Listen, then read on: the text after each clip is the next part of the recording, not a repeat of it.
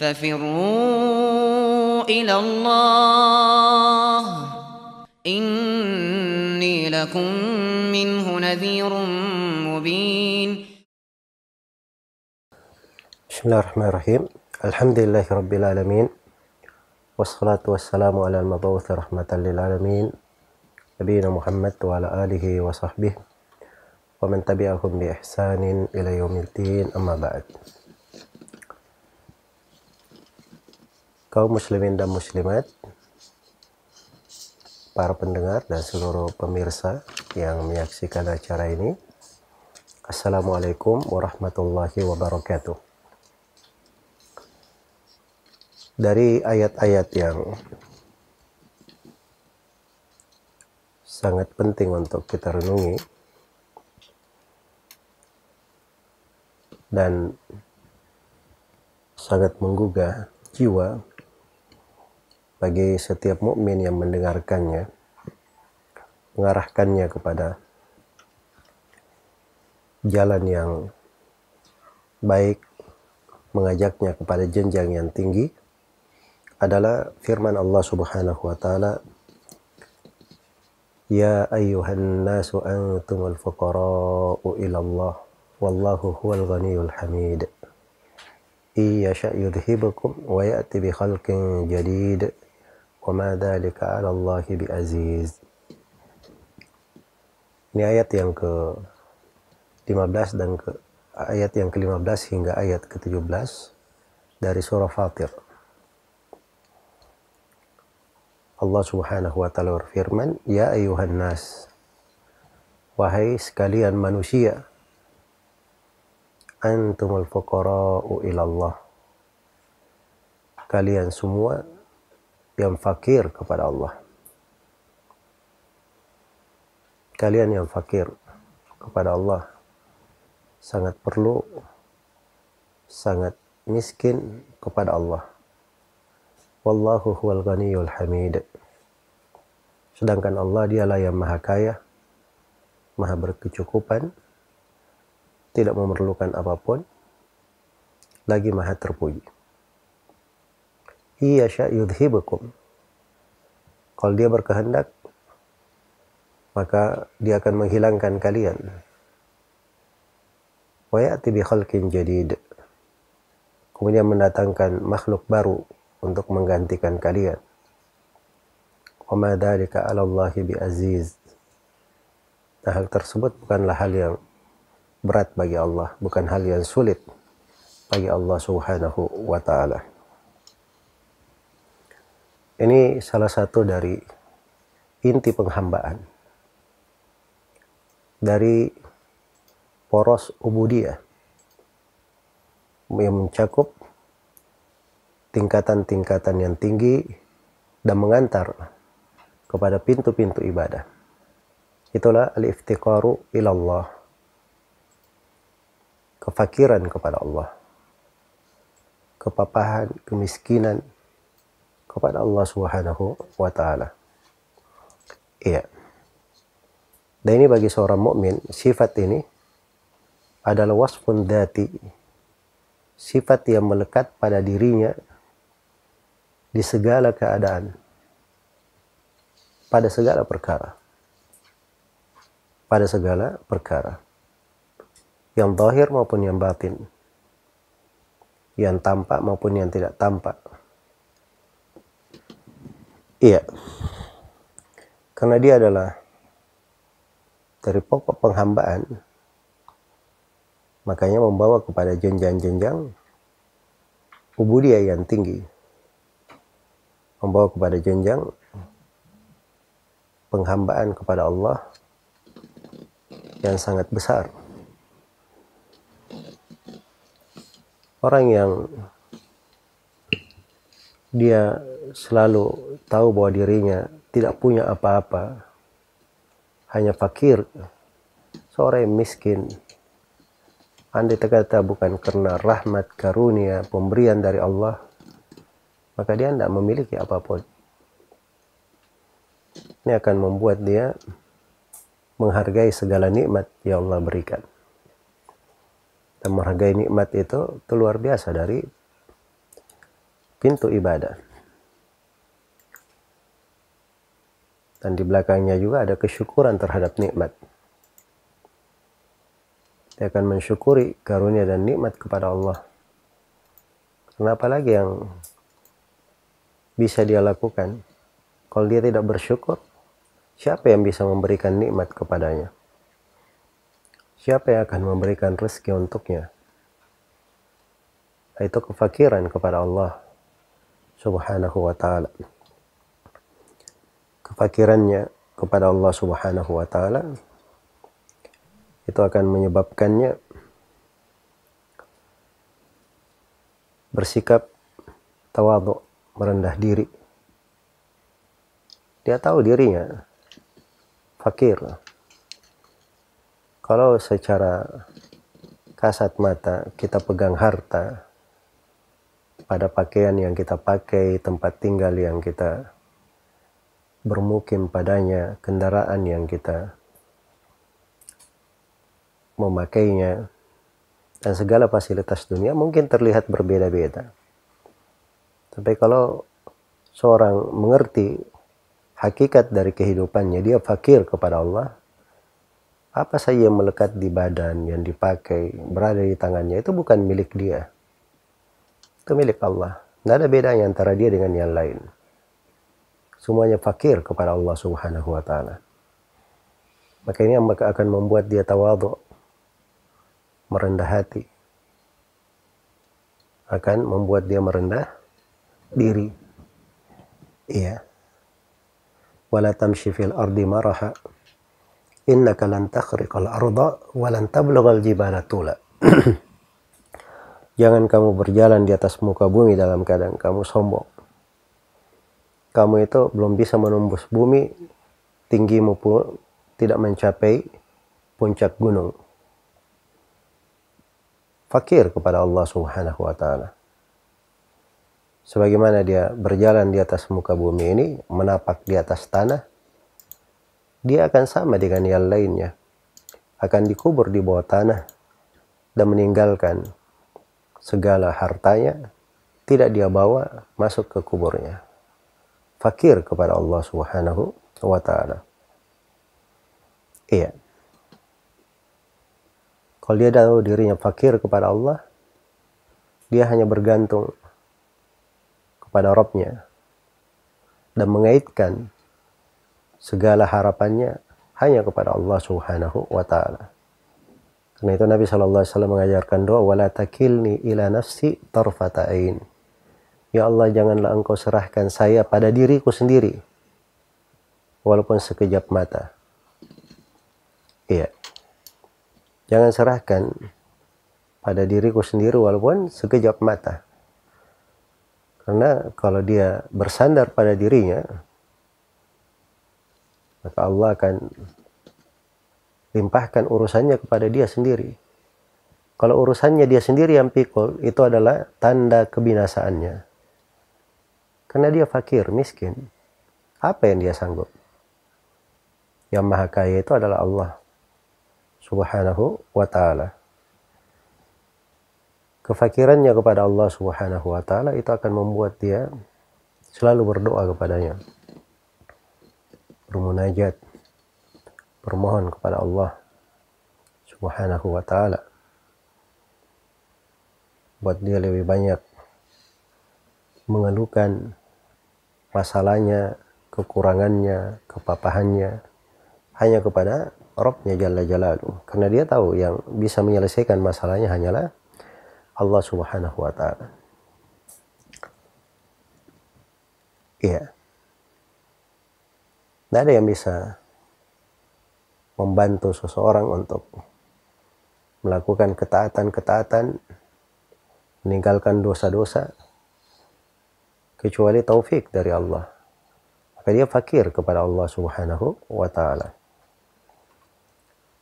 Fakir kepada Robnya Jalla Jalaluh. Maka ini ayat dari ayat yang sangat agung sekali. Patut untuk direnungi. Ya ayyuhan nasu antumul fuqara'u ila Allah. Wallahu huwal ghaniyul hamid. Wahai sekalian manusia, kalian semua lah yang fakir kepada Allah. Sedangkan Allah maha kaya, lagi maha terpuji. Sifat kefakiran kepada Allah itu, itu terwujud dengan dua hal. Hal yang pertama, dia ketahui dengan meyakinkan kelemahannya, ketidakmampuannya, kefakirannya. Kemudian yang kedua, dia sangat meyakini dan mengetahui bahwa hanya Allah yang maha kaya, yang maha terpuji, yang mampu memberinya, tempatnya bergantung, dan kepadanya lah dia berserah diri. Nah, itu dua pokok yang menyebabkan seseorang berada di atas sifat yang agung ini. Al-iftiqaru ilallah. Fakir kepada Allah subhanahu wa ta'ala. Iya. Renungan dari ayat yang pertama tentang sifat kefakiran hamba kepada Allah subhanahu wa ta'ala. Dan ini sifat ada, cuman bagi seorang mukmin itulah yang bermakna. Bagi selain mukmin, dia fakir kepada Allah, dia sadar maupun tidak sadar. Iya. Tapi seorang mukmin ini adalah suatu lahan ibadah, pintu ketaatan. Kemudian yang kedua dari ayat ini nampak luasnya jenjang ibadah dalam kefakiran kepada Allah. Dalam kefakiran kepada Allah. Karena kefakiran kepada Allah itu ada tanda-tandanya. Iya. Yang pertama ada dari tanda dia fakir kepada Allah, dia beribadah kepada Allah dengan penuh kecintaan, dengan sangat menghinakan diri kepada Allah Subhanahu wa taala. Tanda yang kedua dia sangat bergantung kepada Allah. Dan tanda yang ketiga dia banyak berzikir kepada Allah Subhanahu wa taala. Tanda yang keempat, dia khawatir kalau amalannya tidak diterima. Tanda yang kelima, dia takut kepada Allah di segala keadaan. Dalam kondisi sendiri maupun di kondisi banyak orang. Tanda yang keenam, dia mengagungkan perintah dan larangan Allah. Tanda yang ketujuh, dia segera bertobat apabila dia jatuh ke dalam maksiat apabila dia jatuh ke dalam maksiat. Maka itu semuanya pintu-pintu ibadah. Terlihat pada tanda-tanda kefakiran seorang hamba kepada Allah Subhanahu wa taala. Kalau dia memiliki sifat fakir kepada Allah, maka tanda-tanda itu akan melekat pada dirinya. Warna kehidupannya. Iya. Kemudian di dalam ayat ini terdapat bahwa Allah itu maha kaya lagi maha terpuji. Dan ini subhanallah. Renungan yang sangat bermakna apabila dipahami. Dan ini pembahasan dua nama dari Asmaul Husna. Nama Al-Ghani yang maha kaya dan nama Al-Hamid yang maha terpuji. Al-Ghani dialah yang seluruh makhluk bergantung kepadanya. Al-Ghani maha cukup, tidak perlu kepada siapa pun. Al-Ghani yang seluruh keperluan hamba-hambanya dialah yang menanggungnya dan itu tidak mengurangi sedikit pun dari kekuasaannya dan kebesarannya. Iya. Sebagaimana dia yang hamid maha terpuji. Terpuji dalam nama-nama dan sifatnya. Terpuji dalam uluhiyahnya. Satu-satunya yang berhak diibadahi. Terpuji dalam rububiyahnya terpuji dalam agama dan syariatnya, terpuji dalam ketentuan dan takdirnya, terpuji dalam segala hal. Terpuji dalam segala hal. Dan renungan yang terakhir dari pembahasan ringkas untuk ayat ini adalah keutamaan ibadah. Iftikar ilallah. Kefakiran kepada Allah itu ibadah. Punya keutamaan membawa seorang kepada jenjang-jenjang yang tinggi, derajat-derajat yang besar, sehingga dia lebih termotivasi untuk beribadah, meninggalkan apa yang dilarang, dengan hal tersebut dia semakin cinta kepada Rabbnya. Semakin cinta kepada Allah subhanahu wa ta'ala. Iya. Di surah Al-Qasas Allah Subhanahu wa taala ceritakan tentang Nabi Musa alaihi salam. Bagaimana Nabi Musa beliau meninggalkan Mesir karena khawatir akan kezaliman Firaun dan kaumnya. Beliau pun menuju ke Madian. Menuju ke Madian. Ya, sambil berjalan begitu sudah mengarah ke sana, beliau berdoa kepada Allah. Asa asa ayyahdiyani rabbi ila sawa'is sabil. Semoga Allah memberi hidayah kepada aku menuju kepada jalan yang lurus. Dan ini kefakirannya para nabi selalu bermohon kepada Allah subhanahu wa ta'ala. Begitu tiba di kota itu, beliau merasa bahwa dirinya seorang yang asing, tidak punya sanak keluarga, tidak punya apa-apa.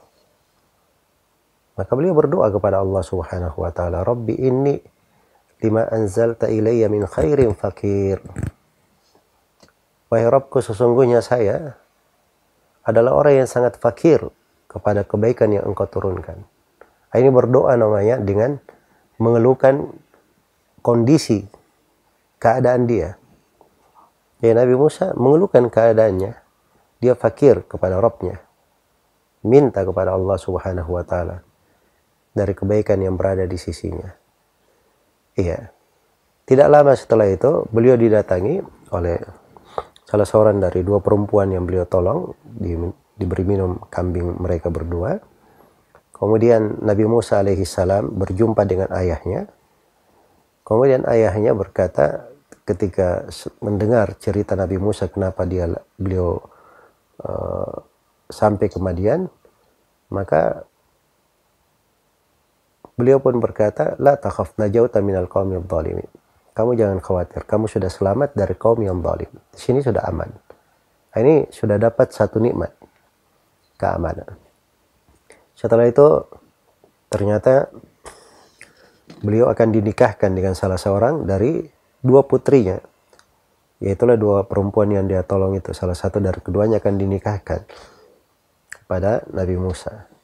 Kemudian maharnya hal adalah hal yang ringkas adalah tinggal bersama mereka selama 8 tahun. Kalau digenapkan 10 tahun, maka itu adalah kebaikan dari Nabi Musa.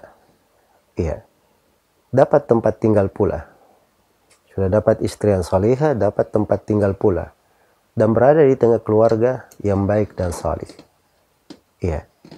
Dengan satu kondisi, mengadukan kefakirannya kepada Allah Subhanahu wa taala. Hanya tunggu beberapa saat. Karena itu ini ibadah yang sangat agung. Maka di masa yang seperti ini, apalagi kita di bulan Ramadan, itu makna-makna yang membuat kita memahami hakikat penghambaan ini fakir kepada Allah itu ada di pada saat puasa. Ini sekarang kita menahan dari terbitnya fajar subuh hingga terbenamnya matahari.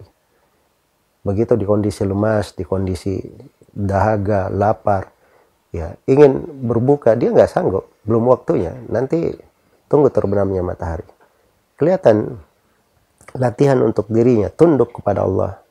Dia fakir kepada Robnya, berada di bawah syariatnya. Iya. Dan itu akan membawa kebaikan untuk seorang hamba. Karena itulah kita jadikan momen dari puasa ini sebagai hal yang menambah tingkat kefakiran kita kepada Allah Subhanahu wa taala. Apalagi kita di kondisi sedang menghadapi situasi luar biasa, ada wabah.